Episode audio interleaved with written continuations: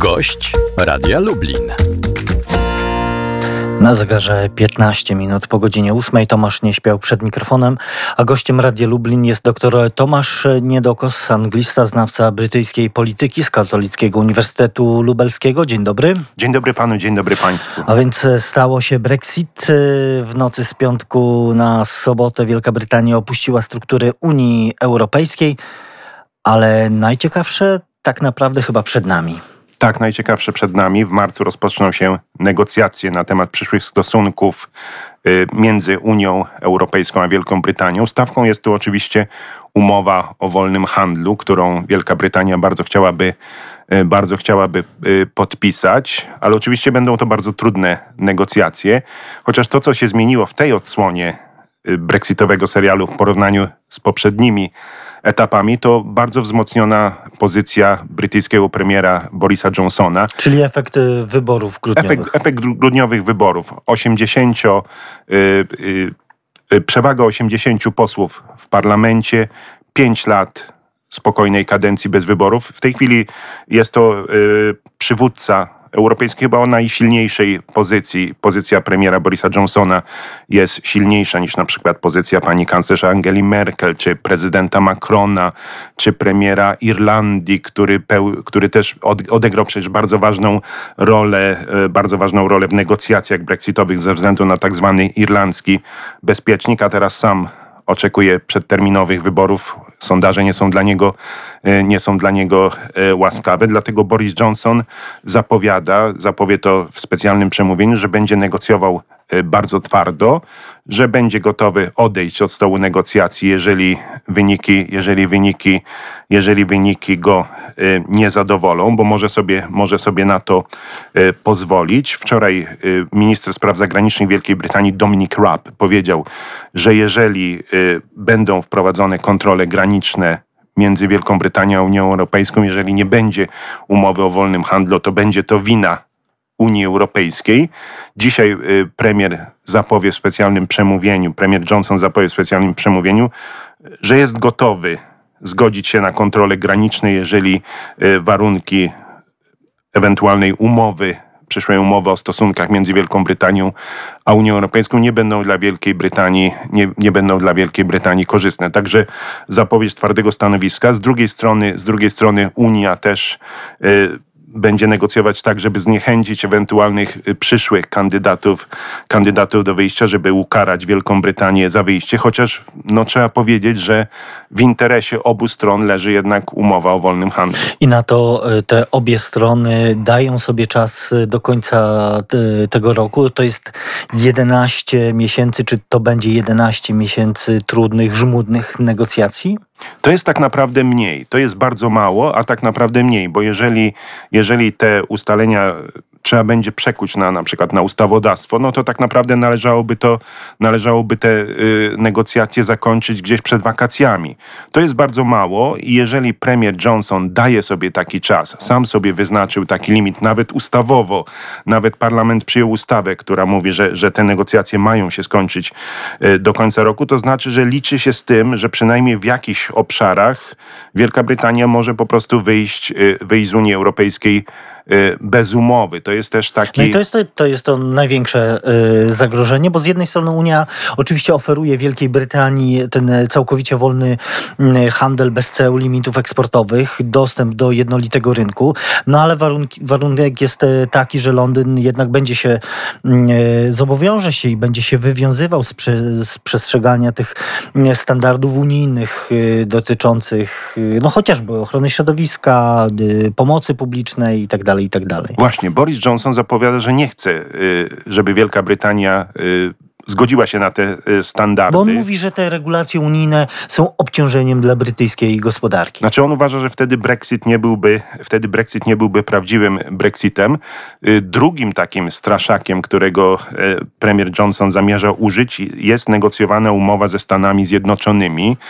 Sekretarz stanu Mike Pompeo zapowiedział, że ta umowa może być gotowa już do listopada tego roku, czyli że to nie jest jedyny, nie jest jedyny możliwy partner partner, partner Wielkiej Brytanii. Mówi się też o umowie o wolnym handlu o wolnym handlu z Japonią. Być może w zglobalizowanym świecie Wielka Brytania nie musi już tak bardzo, nie będzie musiała już tak bardzo polegać na handlu, na handlu z Unią Europejską. Ale na razie obie strony y, zakładają, że będą twardo negocjować, chociaż w interesie obu stron jest ta umowa o wolnym handlu, więc być może będzie tak, że, że negocjacje się będzie, będą toczyć y, w konkretnych obszarach i w jakichś w konkretnych obszarach, na przykład w przemyśle samochodowym, dojdzie do porozumienia, a w innych obszarach nie.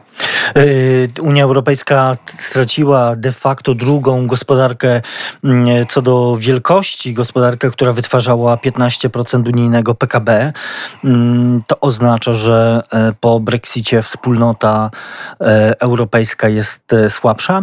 Tak, y, z pewnością wspólnota europejska jest słabsza. Jest to jakiś wstrząs egzystencjalny dla wspólnoty europejskiej, bo do tej pory żaden kraj, żaden kraj nie wystąpił z Unii Unii Europejskiej, a bardzo wielu przecież chciało, e, chciało e, przystąpić. Dla bardzo wielu to był jaki, jakiś cel, jakieś, e, jakieś marzenie. To w tej chwili, to w tej chwili się zmienia i to doprowadzi na pewno do jakichś zmian w Unii Europejskiej, chociaż znowu w tej chwili... Prezydent Emmanuel Macron, y, o którym też pan wspominał, dzisiaj przyjeżdża do Polski.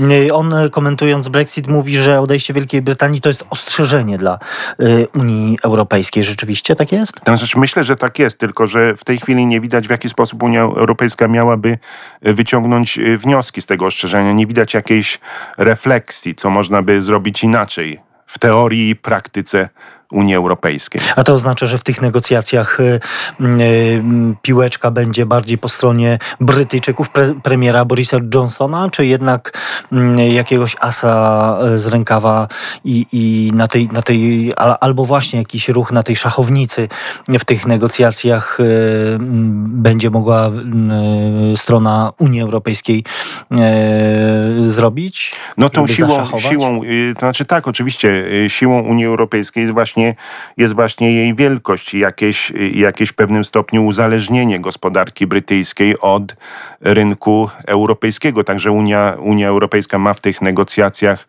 ma w tych negocjacjach ogromne atuty i zależy po prostu, kto dłużej wytrzyma jakiś na przykład y, efekt stagnacji w negocjacjach, czy społeczeństwo brytyjskie będzie gotowe na jakieś ewentualne y, trudności czy, czy wyrzeczenia? I czy ewentualnie społeczeństwa krajów Unii Europejskiej nie będą, nie będą jakby wywierać nacisku na, na, wywierać nacisku na swoje władze. Myślę, że kluczowa może być tu, kluczowa może być tu rola kanclerz Angeli Merkel, która zdaje sobie sprawę y, z trudności gospodarki niemieckiej, ze spowolnienia gospodarczego.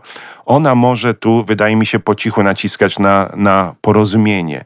Tak samo y, premier, y, premier Macron, mimo powiedzmy takich buńczucznych zapowiedzi, mogą oni naciskać na negocjatorów, żeby osiągnąć jakieś porozumienie. Jeśli chodzi o sytuację wewnętrzną na Wyspach, no to jeszcze mamy kwestię Szkocji, e, która już e, no, od e, dawna jej stanowisko e, w sprawie Brexitu jest e, znane, ale teraz znowu pojawiły się e, kolejne jakby akcenty w środę. Szkocki parlament poparł wniosek tamtejszego rządu o przeprowadzenie referendum niepodległościowego. Tak, Szkocja... Szkocja Przypomnijmy, sześć lat temu Szkoci tak, powiedzieli lat temu, nie. Sześć lat temu Szkoci powiedzieli nie i miały, miało być to re, referendum na całe pokolenie.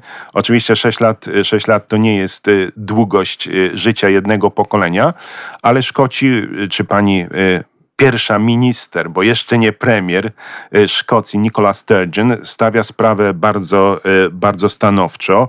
Uważa, że Brexit zmienił, zmienił, y, zmienił warunki y, porozumienia między, między Anglią a Szkocją i y, w tej chwili parlament szkocki stawia bardzo ostro sprawę, sprawę referendum, chociaż na razie cofając się jeszcze przed wariantem katalońskim, czyli rozpisania nielegalnego referendum, bo problem polega na tym, że na ewentualne ponowne referendum niepodległościowe. Musi się zgodzić musi parlament. Się zgodzić parlament brytyjski. musi się zgodzić premier, e, premier Johnson. Premier Johnson w tej chwili nie chce być tym, który, który, nie chce być zapamiętany jako ten, który doprowadzi do rozpadu Zjednoczonego Królestwa, które ma ponad, e, które ma ponad 300 e, y, 300 lat i no w tej chwili też, y, też, jest, y, też, jest, y, też jest stanowczy. Tylko należy powiedzieć, że gdyby Szkocja stała się niepodległym państwem, Szkocja nie, nie może pozostać automatycznie w Unii Europejskiej. To Szkoc- jest cza- czas żmudnych negocjacji, czas żmudnych negocjacji ale też wypełnienia warunków, bo wypełnienia warunków gospodarczych, których Szkocja w tej chwili nie spełnia. Bardzo ważnym problemem byłby wtedy problem waluty. Szkocja nie mogłaby, odłączając się od Wielkiej Brytanii, y, korzystać z funta brytyjskiego, musiałaby, musiałaby przejść na euro, a tu znowu to jest y, przystąpienie do Unii Europejskiej, to jest jedna sprawa, przystąpienie do waluty euro to jest druga sprawa, też bardzo twarde, e, bardzo twarde warunki, które, e, które, e, które trzeba e, I jeszcze spełniać. jeden, jeden problem, czyli Polacy na wyspach. Około 400 tysięcy naszych rodaków nie wystąpiło ten status osiedleńczy. To znaczy, że do końca nie wierzyli, że do Brexitu dojdzie? Myślę, że do końca nie wierzyli. Statystyki pokazują, że jednak jakaś, jakaś, część, jakaś część powróciła, że liczba e, w ostatnim roku liczba Polaków e, w Wielkiej Brytanii e, się zmniejszyła, a czas do uzyskania statusu osiedleńczego to jest jeszcze półtora roku. To jest jeszcze 30 czerwca 2021 roku, więc myślę, że część, część teraz o ten status, część teraz o ten status wystąpi, część być może wróci. Będziemy oczywiście też o tej sprawie na antenie Radia Lublin mówić i do tego tematu wracać tymczasem. Bardzo dziękuję za rozmowę. Dr Tomasz Niedokos z Katolickiego Uniwersytetu Lubelskiego był gościem Radia Lublin. Bardzo Dziękuję panu, dziękuję państwu. Tomasz nie śpiał. Do usłyszenia.